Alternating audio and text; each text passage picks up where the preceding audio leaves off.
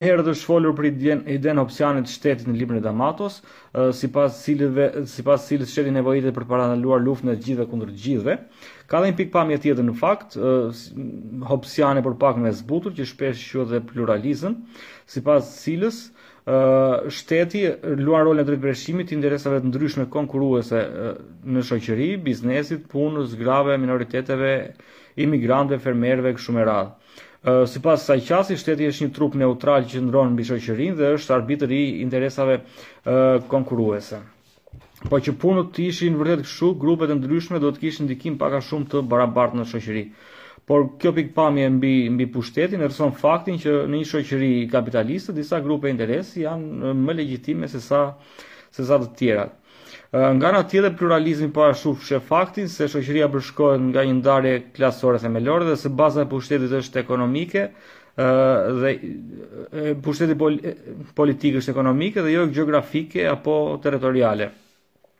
Vërtet në në shoqëri demokratike është e drejta e votës e barabartë për personat mbi 18 vjeç zakonisht, Ama nuk është e thënë që çdo person që ka të drejtën e votës ka të, është i barabartë në mënyrën që përfaqësohet në në shoqëri, në politikë dhe vendimmarrje.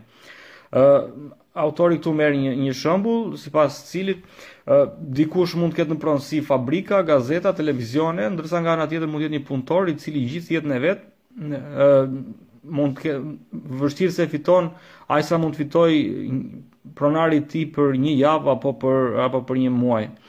Nga ana tjetër, D'Amato i referohet ndarjes së pasurisë ekstreme në Shtetet e Bashkuara të Amerikës, ku 1%-shi ka një pasuri marramëndëse krahasuar edhe me 80% të popullsisë më më të varfër, po kjo ndarje e pasurisë mund të merret si shembull edhe për Shqipërinë dhe për shtetet e tjera kapitaliste, sepse e njëjta e njëjta mënyrë e ndarjes së pasurisë është pothuajse në çdo shoqëri kapitaliste.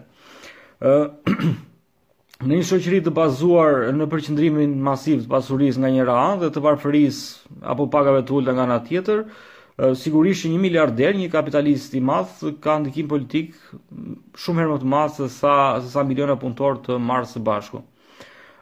Në shoqëri kapitaliste, rendi hierarkik ekonomik përcakton rendin hierarkik politik.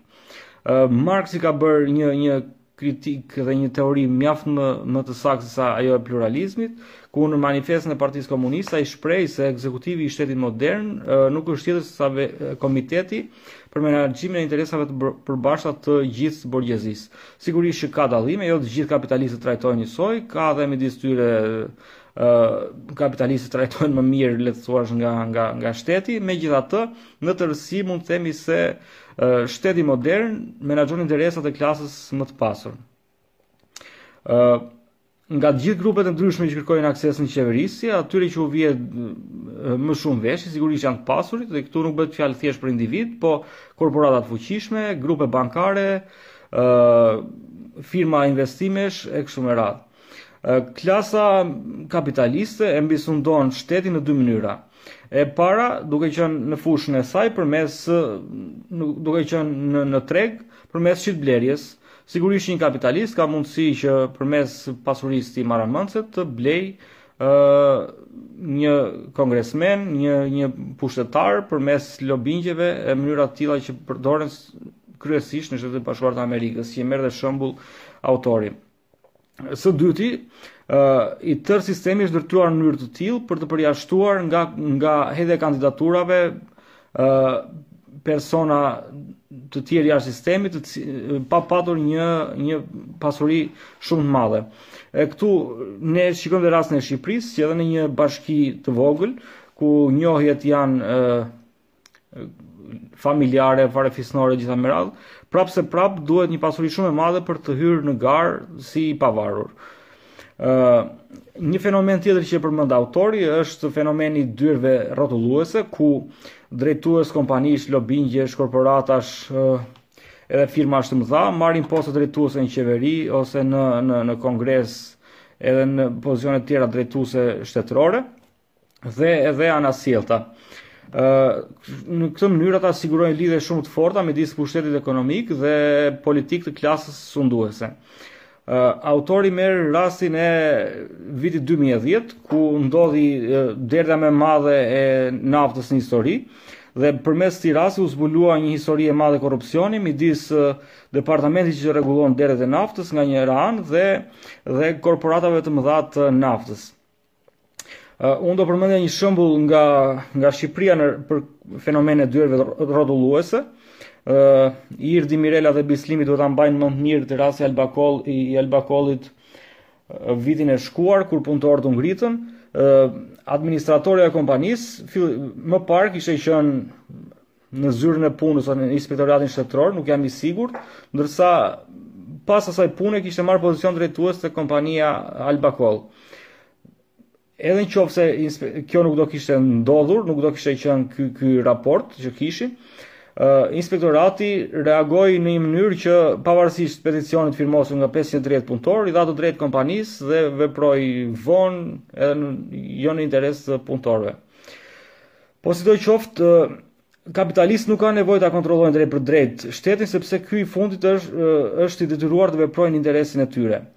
Ë meqënëse marrëdhëniet kapitaliste, kapitalizmi, kapitalizmi kontrollon ekonominë e vëndit, qeveria medoemos do të hyjë në marrëdhënie të ngushta me të, Edhe në një farë mënyre biznesi, kapitalizmi, kapitali shikohen si asete kombëtare. Po të shikoni pak komunikimin e, e po marr rastin e këtyre fasonistëve, t'i dëgjosh ata kur flasin, duket sikur e gjithë e gjithë Fati i vendit varet tek një kompa, kompani apo disa kompani fasonerie. Nëse falimentojnë ata, falimenton gjithë shteti, sepse ata të përmendin mijëra vendet e punës, sigurime e të gjitha me radhë. Ë Kapitalistët mbi të gjitha duan që të kenë kushte optimale për të bërë para. Nuk u intereson shumë forma e sistemit politik, në qoftë se është liberal, demokratik, për ta është e rëndësishme që të bëjnë para. Mund të jetë edhe monarki kushtetuese, mund të jetë diktaturë ushtarake, madje edhe diktaturë fashiste, me rëndësi, me rëndësi që të kenë mundësi për të bërë para edhe për të parandaluar çdo mënyrë rezistence. Sigurisht, për të majtën nuk është e njëjta gjë. Krahut tonë do i interesonte një një demokraci në raport me një diktaturë apo shtet policor, sepse sidoqoftë, sado e kufizuar që të jetë një demokraci borgjeze në, në disa të drejta krijon kushte më të lira për t'u organizuar dhe për të luftuar kapitalizmin. Në vitin 1851, Marksi shkruante se kushtetuta franceze në thonjëza garantonte lirinë, hiq rastet kur parashikohet në ligj. Domethënë, në çdo kapitull të, të kushtetutës, paragrafi përmbante dhe antitezën e vet. Lejohet kjo, por në raste të caktuara mund vendoset që mos lejohet. Kjo do të thotë që demokracia uh, borgjeze është e kufizuar në liritë dhe të drejtat që që u jep anëtarëve të shoqërisë. E sidomos grupeve të majta që duan të organizohen sigurisht uh, për arritjen e socializmit, nëse duam ta themi kështu. Uh, në pas vitit 2001 dhe pas sulmeve të 11 shtatorit, uh, administrata e Bushit në në Shtetet e Bashkuara miratoi Patriot Act, i cili kufizonte të drejta dhe liri të qytetarëve,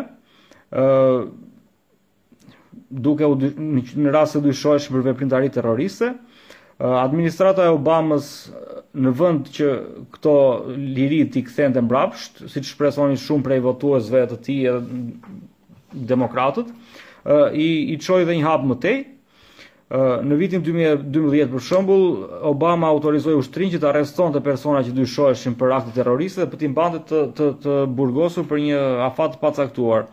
Po ashtu, gjatë administratës së Obamës, është është vendosur dhe i ka dhënë të drejtën ka dhënë të drejtën e urdhërimit të vrasjes së qytetarëve.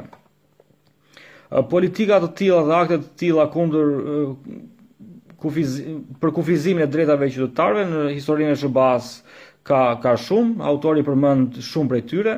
Ë njëra prej më të famshmeve është ajo e vitit 1940, Smith Act, ë e cila u përdor për herë të parë në vitin 1941 për të çuar para gjyqit dhe për të dënuar 18 anëtarë të Partisë Punëtore Socialiste, po edhe më vonë u, u, u, u përdor si si mënyrë për të dënuar ë deri 20 vite burg ata që përpiqeshin ose organizoheshin për përmbysjen e, e qeverisë.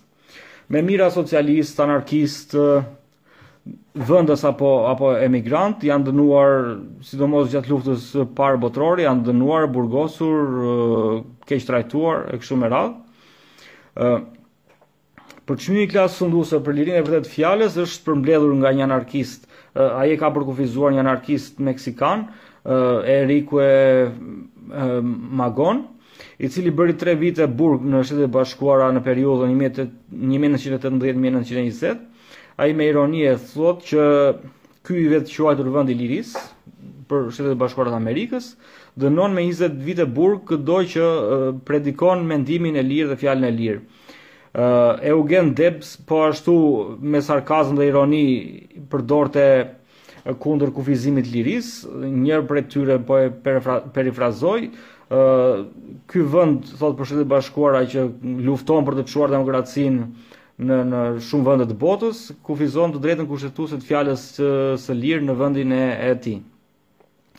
Punëtorëve historikisht ju është dashur të bëjnë luftra për të arritur të drejtat e tyre, sidomos drejtën e votës. Autori merr rastin e, e Britanisë, e Anglisë dhe të Shteteve të Bashkuara të Amerikës, ku klasa sunduese në fillim klasa sunduese në fillim ishte e frikësuar se e drejta universale e votës do të kërcënonte sundimin e, e saj. Madje edhe sot në shumë shtete të, të SHBA-s ka përpjekje, sidomos nga republikanët, që e drejta e votës të bëhet pas pajisjes me karta të identitetit për votuesit, gjë që do të përjashtonte shumë të varfër për të për të hedhur votën.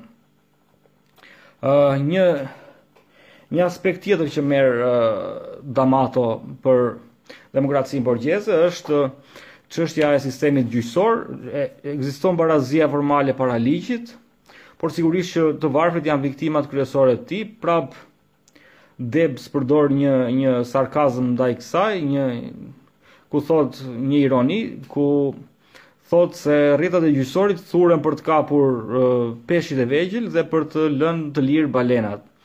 Uh, barazia para ligjit fsheh pabarazi të madhe në zbatimin e tij.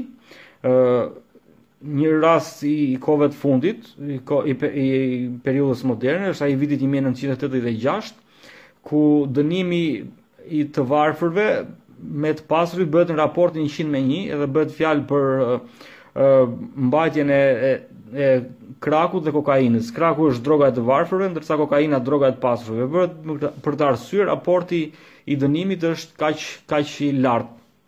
Vetëm në vitin 2010, raporti u bë 18 me, me 1.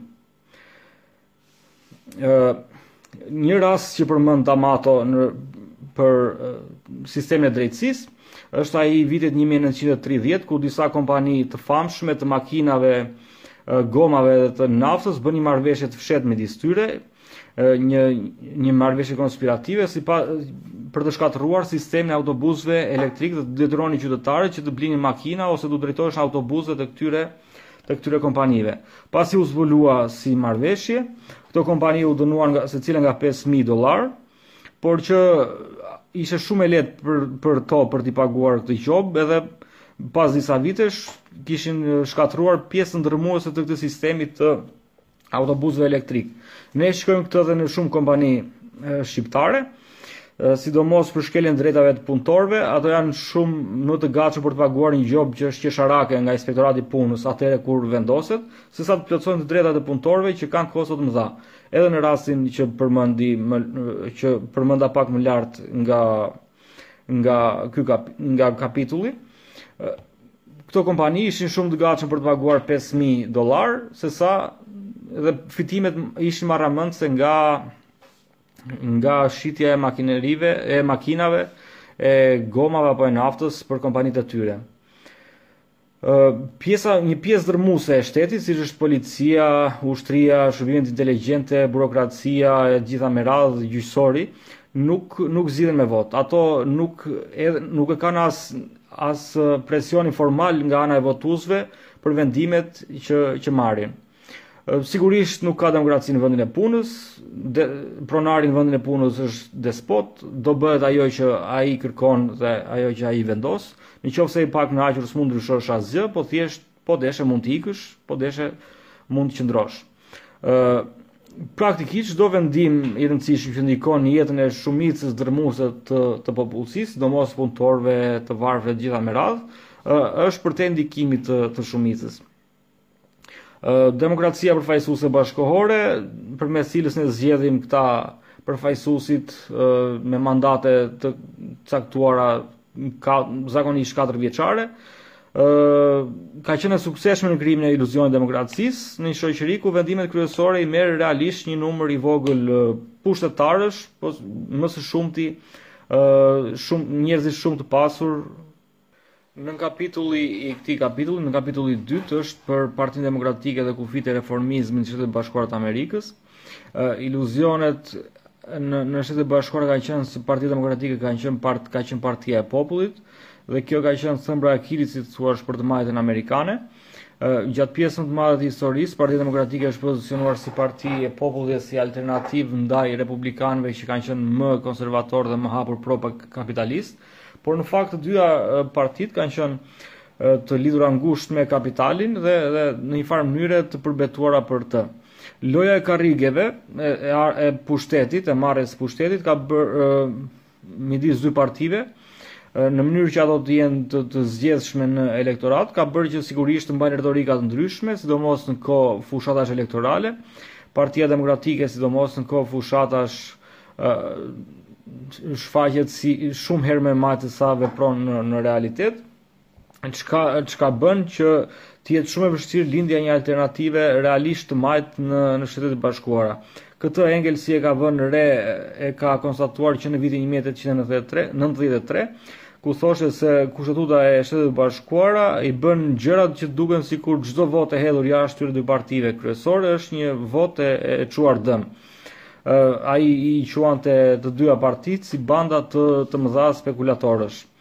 Të dyja partitë janë financuar nga biznesi i madh në Shtetet e Bashkuara, të dyja janë pro luftës dhe pushtimeve, të dyja i kanë përdorur forcat e armatosura për të shtypur grevat. Kështu që s'kanë asnjë farë dallimi nga njëra tjetra.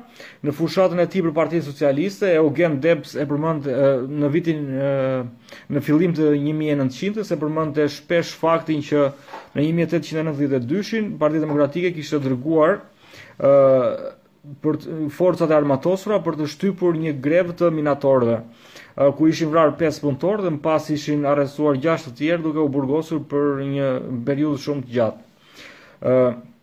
Retorika populiste e Partisë Demokratike është formuar për të shuar çdo lëvizje nga çdo lëvizje serioze ë majtas.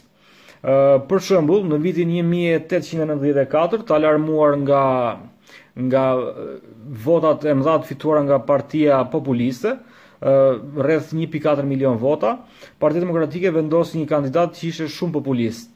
të të, të vendosur në një në një pozicion të tillë partia populiste duke duke patur pak shpresa që mund të fitonte, vendosi që në në konventën e tyre të vitit 1986 vendosin që të votonin kandidatin amerikan.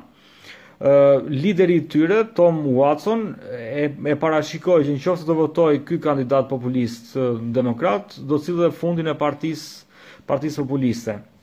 Dhe uh, ajo që ai kishte parashikuar ishte drejt sepse pas pas zgjedhjeve Partia Populiste praktikisht u, u shua. Uh, mungesa e çfarëdo lloj politike radikale majtiste uh, është një prej çelësave të stabilitetit në stabilitetit në Shtetet e Bashkuara të Amerikës. Duke qenë se uh, një pjesë e madhe e shoqërisë nuk uh, nuk ndihet e përfaqësuar, ë demobilizon përpjekjen e shumë aktivistëve, majtistëve, radikalëve për t'u përfshirë në në politikë. Nga ana tjetër ata janë detyruar të të votojnë një parti e cila nuk përfaqëson nuk përfaqëson bindjet e tyre.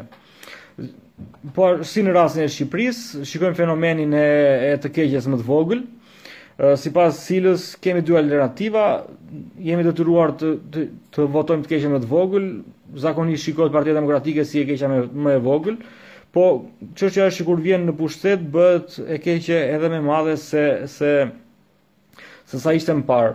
Populistët demokrat në një farë mënyre u doli boja pas zgjedhjes së Reganit president, Pasi ata dolën më pas kësaj zgjedhje dolën hapur si pro politika neoliberale të shkurtimeve, qeverive të vogla e kështu me radhë. Zgjedhja e Obamës në 2008 ishte ishte një zgjedhje historike për shkak se ishte i pari president afroamerikan, po ashtu edhe për fushatën që ai bëri, premtimet premtimet e mëdha që bëri Nga ana tjetër Obama kishte numrin më të lartë në dhomën e përfaqësuesve në Senat që prej një kohe shumë të të, të gjatë që demokratët nuk e kishin patur dhe çka rriti shpresat tek te amerikanët dhe veçanërisht demokratët, por premtimet që Obama dha në, në fushatë, uh, i, i, i hëngri me kalimin e kohës pasi erdhi në pushtet. Uh, për të fituar mbështetjen e masave të, të mëdha të popullsisë, ai në retorikë u pozicionua si mik i mainstream përkundër uh, uh, përkundër Wall Streetit, me, më fal, Main Street përkundër Wall Streetit. Uh, ishte kritik i luftës së uh, Irakut, promotor i energjisë alternative dhe mbështetës i shërbimit shëndetësor universal. Po ashtu premtoi që do të nxiste organizimin sindikal, po të gjitha këto u harruan pas ardhjes në pushtet. Në fakt, politika e tij u duk që që gjatë fushatës, ai mori më shumë mbështetje dhe më shumë financime nga Wall Street-i se sa nga dhuruesit e Wall Street-it se sa kandid, kundërkandidati i tij republikan. Dhe sigurisht do t'i shpërblente pas ardhjes në pushtet në, në ekipin e, e tij në administratën e tij u përfshinë shumë prej administratës së ish-presidentit demokrat Clinton, të cilët ishin të vendosur për çrregullimin financiar dhe tregtinë e lirë. Po ashtu Obama u fokusua tek shpëtimi i bankierëve dhe shumë herë më pak i njerëzve të thjeshtë. administrata e tij çoi përpara, si të thuash, njëfarë neo, njëfarë keynesianizmi neoliberal. U dha bizneseve triliarda dollarë nga paratë publike, paratë e taksapaguesve dhe ato shpëtuan praktikisht. Pavarësisht se ishin dhënë premtime për për të mbështetur me kredi të buta për që njerëzit të shpëtonin shtëpitë dhe dhe punët e tyre, por kjo nuk ndodhi. Një ngjash një pikë ku Obama ngjan si dy pika ujë me Ramën është një takim që ai ka bërë me CEO financiarë diku në vitin 2010 në mos gaboj, ku fraza që ai ka përdorur është posaçërisht Administrata ime është e vetmja e vetmja pengesë midis jush dhe sfurkut. Po të mbani mend takimin e para disa muajve të Ramës me me disa nga pronarët e mëdhenj ku u thoshte që populli ju ka inat, populli do ju djeg shtëpitë, edhe si një farë thirrje që unë jam ajo mburoja juaj ndaj ndaj gjithë zemërimit të zemërimit popullor. Ë sigurisht në vend të sfurqeve CEO-t edhe kompanitë e mëdha morën miliarda miliarda dollarë mbështetje dhe fitimet e tyre u shumëfishuan. Rritja ishte marramendëse.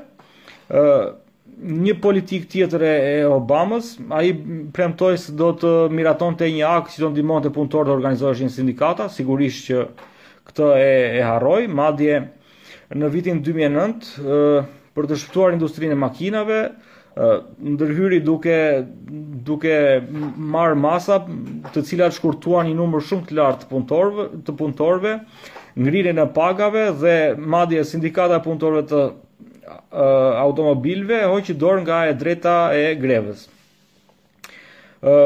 Shpëtimi i bankave shënoi një transferim shumë të madh të parave të taksapaguesve te sektori financiar. Bankat siç siç është dhe dhe fraza e famshme, bankat ishin shumë të mëdha për të falimentuar, ndërsa njerëzit e zakonshëm jo.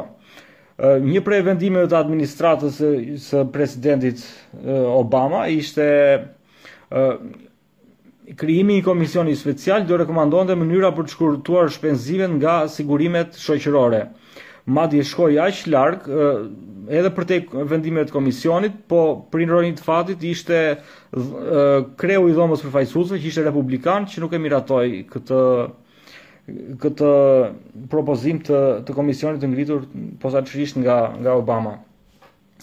shkurtime të mëdha u parashikuan në, në buxhet dhe u vendosën u bënë nga Obama, të cilat kishin ndikim të madh te mbrojtja sociale, te siguria ushqimore, te mijëra kupona për strehimin e të pastrehëve edhe shkurtime të të stafit të mësuesve.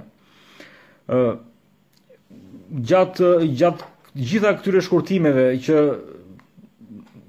priteshin që Obama t'i kundërshtonte, e jo më t'i t'i çonte përpara, demo, demokratët nuk ishin kundërshtarë të shkatërrimit të rrjetës së sigurisë sociale, por ata që e shkatërruan në një mënyrë më graduale dhe jo aq katastrofike sa ç'mund të, mund të bënin uh, republikanët. Edhe një nga arritjet kryesore të Obamës si si i majt që e quanin e si socialist që e quanin republikanët ishte uh, ajo që kishin propozuar uh, republikanët për shërbimin shëndetësor dhe që ata që nuk e kishte arritur ta bënte Clintoni që nga viti 1993 Obama hartoi një plan që kërkonte qytetarëve të blinin sigurime shëndetësore private. Sigurisht që kjo ishte në të mirë të kompanive farmaceutike dhe kompanive të sigurimeve, të cilat do të shtonin të ardhura marramendëse nga kjo. Përkundër planit qeveritar që kishte Obama fillim për një sistem shëndetësor unitar që do të ofronte më shumë ndihmë një pjesë më të madhe të popullsisë.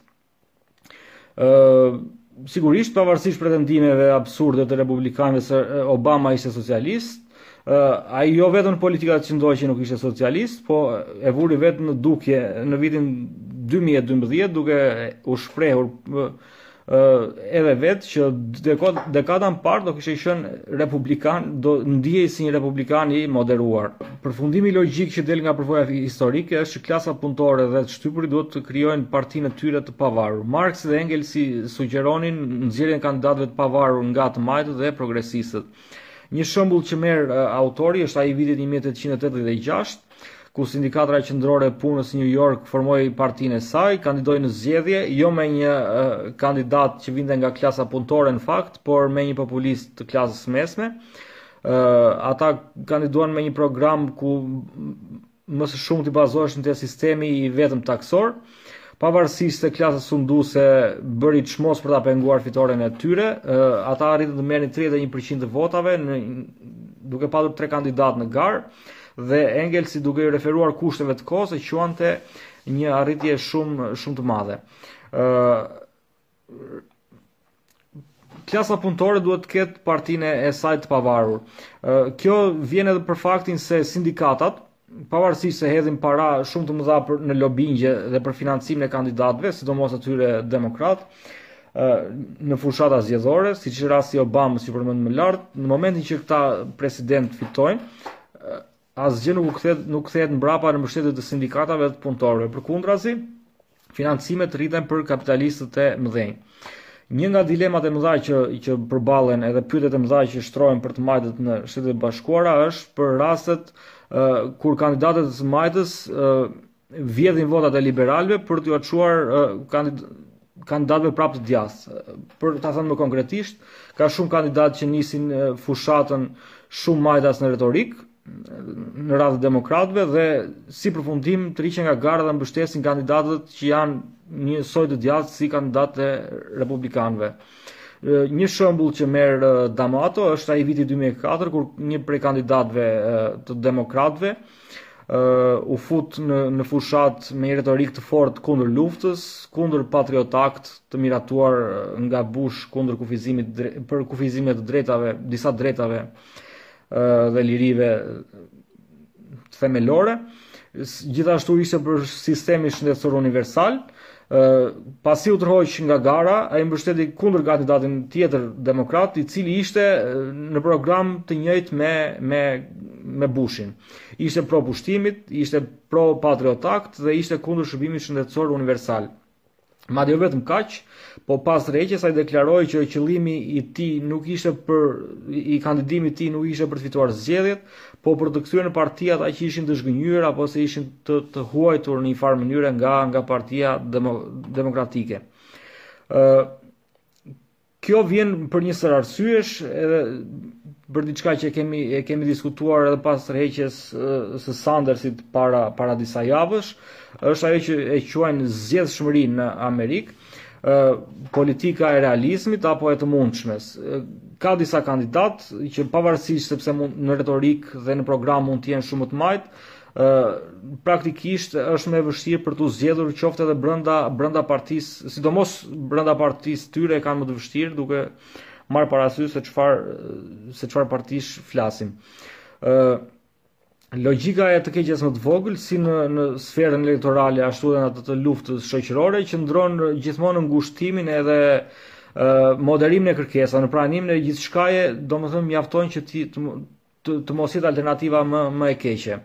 Ë uh, Damato përmend një shembull tjetër të një prokurori nga Michigani, i cili u zgjodh në një koalicion kombëtar për heqjen e dënimit me vdekje. Argumenti i tij ishte që nuk duhet të ketë Protesta nuk duhet të ketë greva, mosbindje civile dhe kërkesa shumë të forta, sepse mund mund të ketë pushtetarët mund të mërziten nga kjo gjë dhe mund të mos të mund të mos i realizojnë kërkesat apo protesta për për kërkesa të ndryshme. Dhe logjika e këtij argumenti është që mënyra më e mirë për të luftuar për për reforma është që të mos luftosh fare sepse mund të mërziten pushtetarët dhe pastaj na na na kthehen më keq akoma. Të njëjtën gjë e kanë propaganduar edhe gazeta New York Times për shembull ose ose media të tjera të mëdha në Shtetet e Bashkuara. ë ka pasur një një rast të të, të protestave kundër largimit të emigrantëve, Edhe në këtë rast u thirrjet ishin që mos bëheshin kërkesa, mos bëheshin protesta të tilla sepse mund ta mund ta ashpërsonte më shumë situatën. Për të kaluar nga reformizmi dhe kufijtë e tij tek revolucioni, i cili mund të jetë politik dhe shoqëror, revolucioni mund të përkufizohet si një periudhë kur akumulimi i zëmërimit dhe hidhërimit masiv të të shfrytëzuarve dhe të nëpërkëmburve, kombinohen dhe shpërthejnë në lëvizje masive që sjell ndryshim për të përmbysur marrëdhëniet shoqërore ekzistuese dhe vëndësuar, për të zvëndësuar ato me marrëdhënie të reja. Pak ditë kryengritje revolucionare sjell ndryshime sa sa dekada zhvillimi normal. Autori merr shembullin këtu të revolucionit rus që për 5 ditë në, në protestat e shkurtit të 1917-s përmbysën regjimin shumëshekullor të të carit. D'Amato përmend në 3-4 shekujt e fundit një sërë ngjarjesh revolucionare, nga revolucioni amerikan deri tek revolucioni kuban, kilian, portugez dhe iranian. I përmend këto këto ngjarje revolucionare për të treguar se Revolucioni nuk është një përjashtim nga rregulli, nuk është një devijim nga funksionimi normal i shoqërisë, po përkundrazi ka shumë ngjarje revolucionare. Për të ardhur te përkufizimi i revolucionit, sigurisht që nuk ka një përkufizim fiks të tij, një domethënie fikse të revolucionit, ka dhe raste kur keqpërdoret dhe ngatërrohet, sidomos në rastin e reklamave të ndryshme që shikojmë për revolucionarizim të çdo lloj gjëje të mundshme përveç aspektit politik dhe shoqëror ku është e tmerrshme nëse e përdor si term. ë Përgjithsisht revolucioni përdoret për t'iu referuar transformimeve shoqërore dhe politike ekonomike që ndodhin në një periudhë të caktuar. ë Më zakonisht revolucioni përdoret për t'iu referuar një transformimi me forcë të pushtetit qeveritar. Ky revolucion mund të jetë tërësisht politik në kuptimin që ai thjesht transferon pushtetin nga një seksion i klasës sunduese te një seksion tjetër. Për shembull, nga diktaturë ushtarake tek ajo tek mënyra demokratike e qeverisjes ose anasjelltas, po pa prekur marrëdhëniet ekonomike dhe sociale të të një shoqërie. Kur një revolucion politik transferon pushtetin te një klasë e re dhe vendos atë në pozitën e nisjes së strukturimit social të shoqërisë, atëherë ai kthehet në një revolucion shoqëror dhe që për Engelsin, po edhe për të majtën në përgjithësi, ky është një revolucion i vërtetë. Revolucioni shoqëror nuk është grusht shteti ose ose një komplot ose një puç ushtarak, që do të ndryshojë thjesht personelin në krye të qeverisjes, siç ka ndodhur për shembull autori me rasin e protestave në Ukrainë në vitin e 2014, duke të cilat rrëzuan një qeveri, po sollën një qeveri tjetër me të njëjtat interesa, me të njëjtat Pikëpamje. Ë, për aq kohë sa transformimi shoqëror nuk arrin të çajë kufijtë e marrëdhënieve shoqërore kapitaliste ekzistuese, ai mbetet në thelb një revolucion thjesht politik. Ë, ndonjëherë revolucionet barazohen me me dhunën, që është diçka e gabuar. Sigurisht që revolucionet kanë ngjarje, kanë përplasje të dhunshme midis forcave të ndryshme që përplasen, megjithatë revolucioni nuk është i barabartë me dhunën. Dhuna është mjeti që përdoret, por nuk është qëllimi ë i revolucionit. Megjithatë, kur, kur lidhet me qëllime të ndryshme sociale dhe përdoret si mjet nga forcat, nga lëvizjet masive sociale, Dhuna mund të luajë rol kyç, siç e përmend edhe Marksi diku, Sofo, Sofo e ka gjithmonë në çdo muhabet e përmend, forca është dhuna, është mamia e shoqërisë së vjetër që është e mbarsur me, me të renë. Nuk ka një mur ndarës midis revolucioneve politike e shoqërore, përkundrazi, revolucionet politike shpeshherë përmbajnë elemente shoqërore ose janë kalimtare drejt revolucioneve më gjithëpërfshirëse shoqërore. Ë Kjo është e vërtetë për shkak se në çdo kryengritje masive klasat e shtypura që mobilizohen kanë aspirata shoqërore dhe ekonomike, të cilat për, shkojnë priren të shkojnë përtej atyre të klasave që edhe pse mund të kenë aspirata politike, nuk duan të kenë ndryshime ekonomike dhe dhe sociale. Diçka e tillë është e vërtetë sidomos në revolucionet borgjeze, ku dëshirat e masave duan ta përmbysin dhe edhe në aspekt jo vetëm në aspektin politik, por edhe në aspektin ë ekonomik dhe social, ndërkohë që elementët borgjezë nuk duan që ta zhdukin shfrytëzimin sepse janë ato që përfitojnë prej përfitojnë prej tij. Ata thjesht duan të duan të zëvendësojnë një formë shfrytëzimi me një me një tjetër. ë Marksizmi nuk i vendos revolucionet politike dhe shoqërore përballë njëri-tjetrit, në fakt ë revolucioni shoqëror sipas qasjes marksiste nuk mund të ndodhë pa atë politik. Domethënë punëtorët nuk mund të nisin një një revolucion shoqëror pa u nisur më parë si revolucion politik që zëvendëson pushtetin politik të kapitalistëve me atë të punëtorëve. Në revolucionet borgjeze, klasa që merr pushtetin dhe zëvendëson klasën feudale ka hedhur rrënjët e veta që në sistemin e mëparshëm, ka arritur të konsolidojë pushtetin e saj ekonomik Dhe ajo që i nevojitet është thjesht një revolucion politik dhe marrja e pushtetit politik në duart e saj. Nuk mund të thuhet e njëjta gjë për klasën punëtore, sepse modeli i revolucionit punëtor është është krejtësisht i ndryshëm për arsye se punëtorët nuk kanë as pronë, as mjete dhe asnjë asnjë mënyrë tjetër për ta marrë pushtet për të marrë çfarëdolloj pushteti ekonomik apo për të vendosur marrëdhënie të ndryshme shoqërore brenda gjirit të kapitalizmit. Atyre u duhet fillimisht që ta marrin përmes luftës revolucionare masive, të fitojnë pushtetin politik dhe vetëm pasi të përmbysin pushtetin politik kapitalist mund të ndrysh, bëjnë dhe ndryshime sociale dhe dhe ekonomike. Në Lëvizjen Socialiste ka patur gjithmonë të moderuar që kanë mbështetur idenë e reformave paqësore në vend të revolucioneve si forma më realiste e arritjes së socializmit. Mund të përmendim rastin e Partisë Socialdemokrate Gjermane me me udhëheqësin Eduard Bernstein, i cili argumentonte që kapitalizmi, i cili ka arritur t'u mbijetojë krizave, po zbuste antagonizmat klasorë dhe ishte duke përmirësuar dalëngadalë nivelin e jetesës së punëtorëve. Sipas tij, mjaftonte që të rriteshin sindikatat, mjaftonte që të rritej numri i përfaqësuesve socialistë në parlament dhe kjo do ishte rruga e ngadaltë, por e sigurt ama në vendosjen e socializmit. Uh, shprehja e famshme e Bernsteinit ishte që qëllimi i fundmë i socializmit nuk është asgjë, lëvizja është ajo që ka ka rolin ka peshën kryesore. Mirëpo, revizionizmi, i quajtur kështu prej, prej ndryshimit të doktrinës revolucionare të Marksit, vinte bashkë dhe me një konceptim të, të veçantë të lëvizjes. Për, për revizionizmin nuk kishte shumë rëndësi të madhe lufta, grevat dhe protestat në rrugë, këto shiheshin si shumë shkatërrimtare dhe do nxisnin reagimin e dhunshëm të të borgjezisë nga lart. ë Dhe dhe revizionistët shpresonin që do e reformonin borgjezinë duke kërkuar ndryshime të, të ngadalta. Kjo ka dy dy probleme kryesore kjo qasje. E para është që punëtorët nuk nuk përpiqen vetë për të arritur ë për të arritur vetë çlirimin, por presin nga dikush tjetër. Ë Dhe lufta e klasave nuk ka asnjë rol përveç faktit të, pa, të bërit presion diku diku lart në në qeverisje dhe në në të borgjezia. Nga ana tjetër problemi më më i rëndësishëm i reformizmit është që nuk funksionon për arsyen e thjeshtë sepse ë ata që kanë pushtetin nuk do e lënë atë në mënyrë paqësore dhe vullnetare.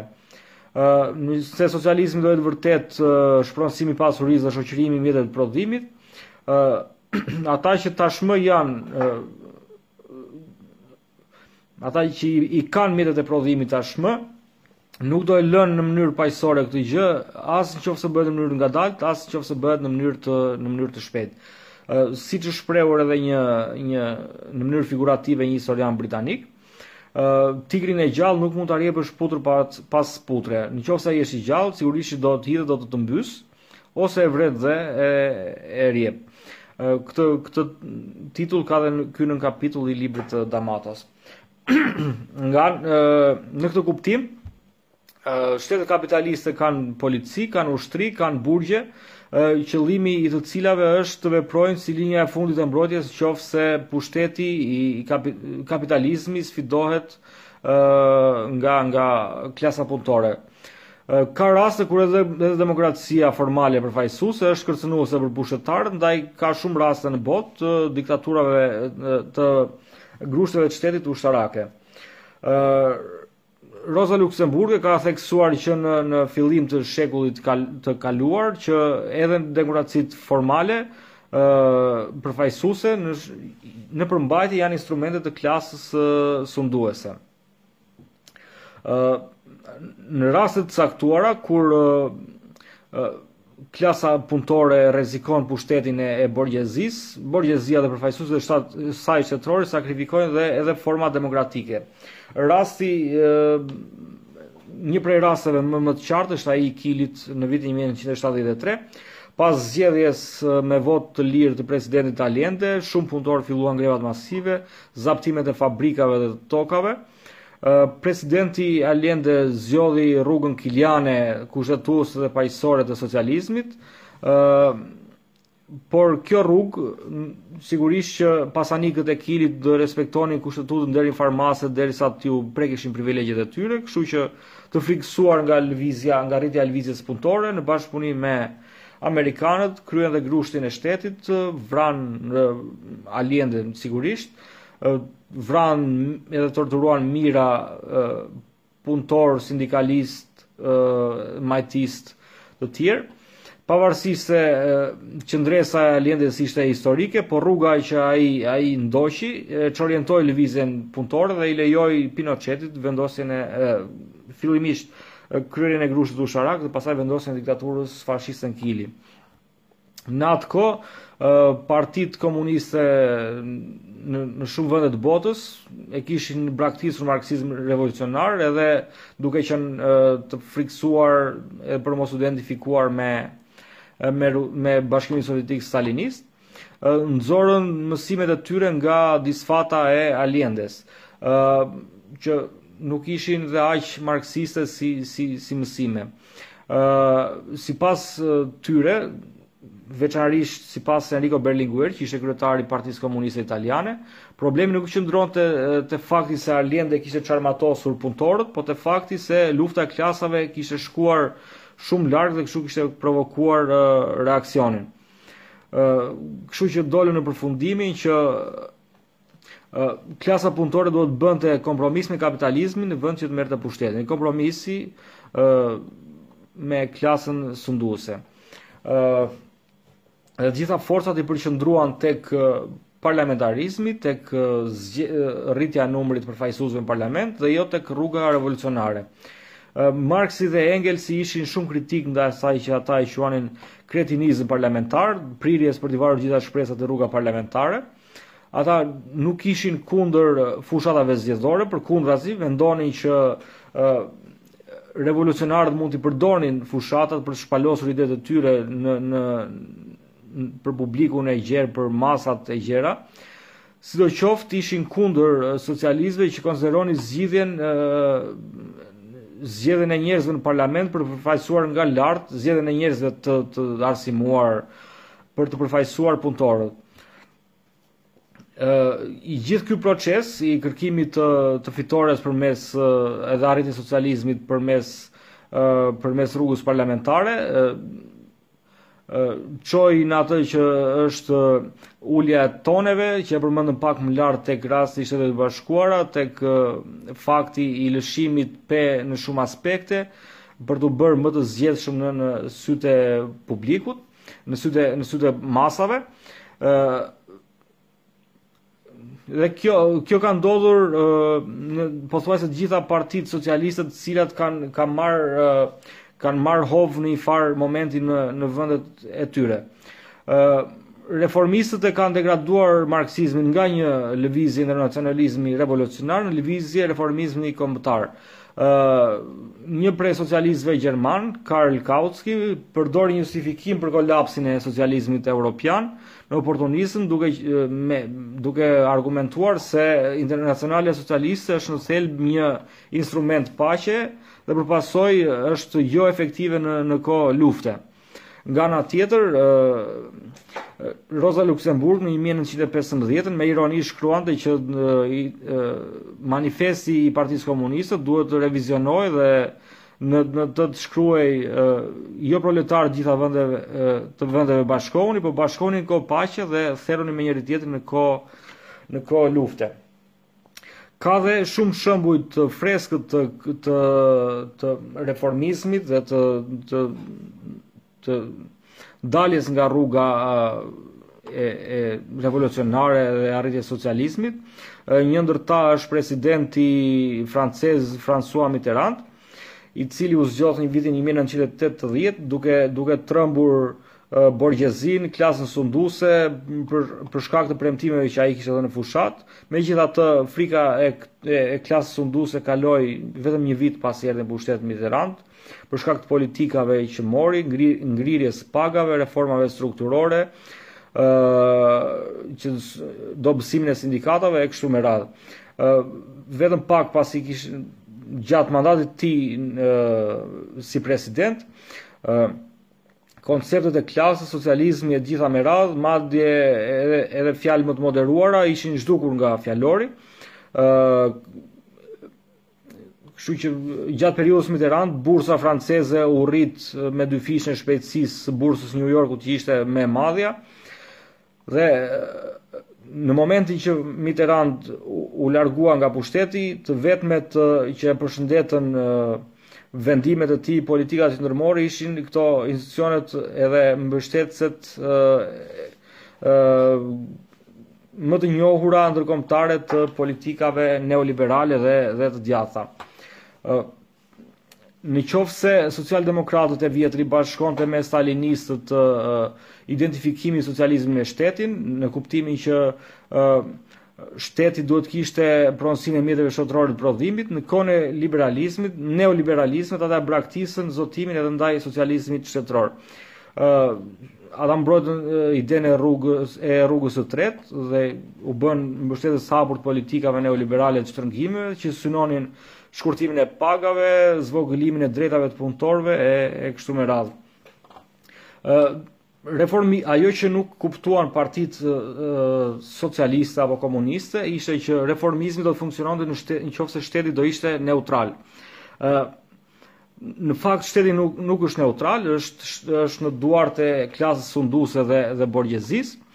Ë Si pa, sipas asaj që thoshte edhe Luksemburgu mjaft mirë për dështimin e reformizmit, reformistët nuk është se po zgjedhin një rrugë më të qetë të patrazuar dhe ngadalë drejt një qëll, drejt të njëjtit qëllim, por ata kanë ndryshuar qëllimin e tyre. Ë nga ana tjetër ka rëndësi për të për të theksuar diçka. Ë Refuzimi i reformizmit si si mënyrë drejt socializmit, që në fakt nuk të çon në socializëm, nuk nënkupton refuzimin e reformave dhe as të luftës për reforma. Përkundrazi, siç edhe Lenini shprehej, në dallim nga anarkistët, marksistët luftojnë për për reforma, i njohin reformat, të cilat përmirësojnë kushtet e punëtorëve edhe pa shkatërruar pushtetin e klasës sunduese, thjesht Arritja e reformave nuk duhet shndërruar në qëllim në vetvete. Ë Përkundrazi duhet të jetë revolucioni ajo që do të sjellë vendos marrjen e pushtetit nga klasa punëtore dhe vendosjen e, e socializmit. Ë si sipas kësaj që që shprehej Lenini pikërisht përmes luftës për kërkesa imediate do të rritej ndërgjegja e klasës punëtore, besimi për të kolektiv, besimi në aksionin kolektiv, po edhe përparimi drejt aksionit revolucionar. Ishte lufta ajo që ndryshonte ndërgjegjen, prandaj edhe këto edhe përpjekja për reforma kishte rëndësinë e vet. Po siç thashë pak më lart, të njëjtën gjë thoshin dhe Marksi dhe Engelsi, lufta për reforma nuk duhet të barazohet me, me revolucionin. Në, në revolucion, në këtë periudhë kryengritje dhe, dhe lufte masive, ndërgjegja transformohet në një shkallë më të gjerë, që është edhe kusht edhe rezultat i revolucionit. Prandaj është mënyra e vetme e arritjes së socializmit sipas sipas tyre. Çfarë ka revolucioni është pjesa e fundit e kapitullit të të këtij kapitulli D'Amatos. Trotsky e përshkruante revolucionin socialist si ndërhyrjen e drejtpërdrejtë të masave në në ngjarje historike. Çështja e revolucionit gjithmonë shkon në pikën e përplasjes për pushtet, në të cilën klasa e, e, e re imponon një rend të ri mbi gërmadhat e, e pushtetit të vjetër. E dimë se shteti gjithmonë ose shpesh i drejtohet dhunës edhe kur lufta nuk është revolucionare dhe kjo i, i çon socialistët në një farë dileme dilemën se a munden ta, ta përmbysin shtetin dhe forcën e tij. Ë uh, Ky na duket si një paradoks i pazgjidhshëm, reformat e hapashapshme mund ta transformojnë shoqërinë, por prapëseprapë revolucioni do përballet me një forcë madhore dhe do të mposhtet. Ë ndoshta e vetmja pikë ku mund të varen shpresat janë ndryshime të vogla që do kërcënojnë pushtetin e e, e borgjezisë. Po kjo është e gabuar për për dy arsye. Sepse sa sa më e madhe që të jetë lufta dhe përpjekja, aq më të mundshme dhe aq më të mëdha janë reformat, aq më e mundshme është reformat e vogla të jenë të suksesshme. Dhe së dyti, ka gjithmonë raste kur regjime që në dukje ngjajnë shumë të fuqishme bien nga nga nga pesha e revoltës masive, Dhe kemi shembullin e, e shahut të Iranit në 1978 që dukej si i, pa, i pamposhtshëm, po ashtu dhe regjimet e, e, e socialiste të lindjes, të cilat në në 1800 në 1989 i, i mori poshtë pesha e vet pas pas revoltave popullore. ë Pikëpamja se shteti është shumë i fuqishëm bazohet në konceptimin në keqkonceptimin e revolucioneve dhe kushteve të lindjes së, së tyre. Ë revolucionet dalin me sukses jo se rebeluesit kanë ndonjë armë superiore, ë po edhe për shkak të situatave revolucionare. Ë Situatat revolucionare ndodhin për arsye të ndryshme, njëra prej tyre është kur ka konfuzion tek ata që janë në krye për mënyrën se si do rivendoset rendi dhe si do kapërcehet kriza. Lenini rendiste tre karakteristika të një situate revolucionare. Kur klasa sunduese e ka të pamundur të ruajë sundimin pa bërë ndryshime, duhet t'i futet një farë në momente krize duhet të bëjë disa lëshime, ndryshime ose reforma. Pika e dytë është kur vuajtja dhe dëshirat e klasave të shtypura janë bërë më më akute se se zakonisht. Dhe e treta, si pasojë e këtyre dy shkaqeve, ka një rritje të konsiderueshme të masave. Ë për një farë periudhe një lëvizje në ngritje mund ta shtyjë në mbrojtje shtetin e klasës sunduese që përfaqëson shteti, shteti kapitalist, po ndarjet midis drejtuesve të të këtij shteti lidhen me mënyrën se si do të vendoset rendi, në qoftë se duhen lejuar reformat apo duhet përdorur dhuna apo të dyja bashkë. Në qoftë se reformat lejohen, atëherë kjo ndodh në shumicën e rasteve që t'i japë zemër lëvizjes, reformat e trimërojnë lëvizjen dhe ajo mbledh pranë saj edhe shtresa të tjera të shtypurish e të shfrytëzuarish. ë Në këtë moment klasa sunduese bashkë me reaksionin gjejnë mënyra të tjera për të shtypur për të ndërhyrë dhe për shtypur fizikisht kryengritjen. Forcat reaksionare vënë në provë repartin e mbrojtjes të lëvizjes duke kërkuar pikat e dobëta të të, të saj. Ë shoqëria është në dilemë, nuk e di në qoftë se do rivendoset rendi i vjetër apo ai do përmbyset dhe do e marrin në dorë pushtetin forcat e reja. Prandaj ë ky është thelbi i gjithë situatës revolucionare ku edhe masat janë në dilemë se cilin krah do do mbajnë. Ë në qoftë se ata që janë në krye të lëvizjes arrijnë ta kanalizojnë lëvizjen, ata që janë në krye të shtetit, arrijnë ta kanalizojnë lëvizjen në reforma që nuk e trazojnë, nuk e nuk e lëvizin status quo-në, atëherë është e mundshme që lëvizja të shpërndahet përpara se të arrijë masa revolucionare. Kjo ka ndodhur pak a shumë në majin e 68-s në në Francë, Ama në qoftë se punëtorët janë të bindur që mund dhe duhet të ecin përpara, ata kanë dy alternativa. Ose shpërbërja e pushtetit të vjetër shtetëror prej klasës së bashkuar punëtore, ose shtypja e lëvizjes. tipar shumë i rëndësishëm i lëvizjes revolucionare është dypushteti, ekzistenca e formave popullore të pushtetit, këshillave të punëtorëve dhe institucioneve të ngjashme. Po kjo nuk mund të zgjasë pafundësisht. Parakusht i, i socializmit është formimi i organeve të vetorganizimit punëtor, të cilat mund të jenë edhe mjete të luftës edhe institucione potenciale të pushtetit shtetëror. Ë Ama klasa punëtore nuk mund të bëhet pushtet i ri vetëm nëse shemb pushtetin e vjetër. Mënyrë tjetër nuk ka. Që të ndodhë diçka e tillë, klasa punëtore duhet jo vetëm të organizohet, por edhe të ketë pas vete shumicën e të shtypurve dhe grupeve të tjera edhe të klas, edhe nga klasa e mesme. Ë po ashtu duhet jetë edhe e gatshme për e armatosur dhe e gatshme për për t'u mbrojtur, sepse e përmendëm forcën ë uh, që do të përdoret nga nga klasat sunduese dhe nga reaksioni. ë uh, Forca do të jetë ë uh, faktor vendimtar në këtë në këtë aspekt.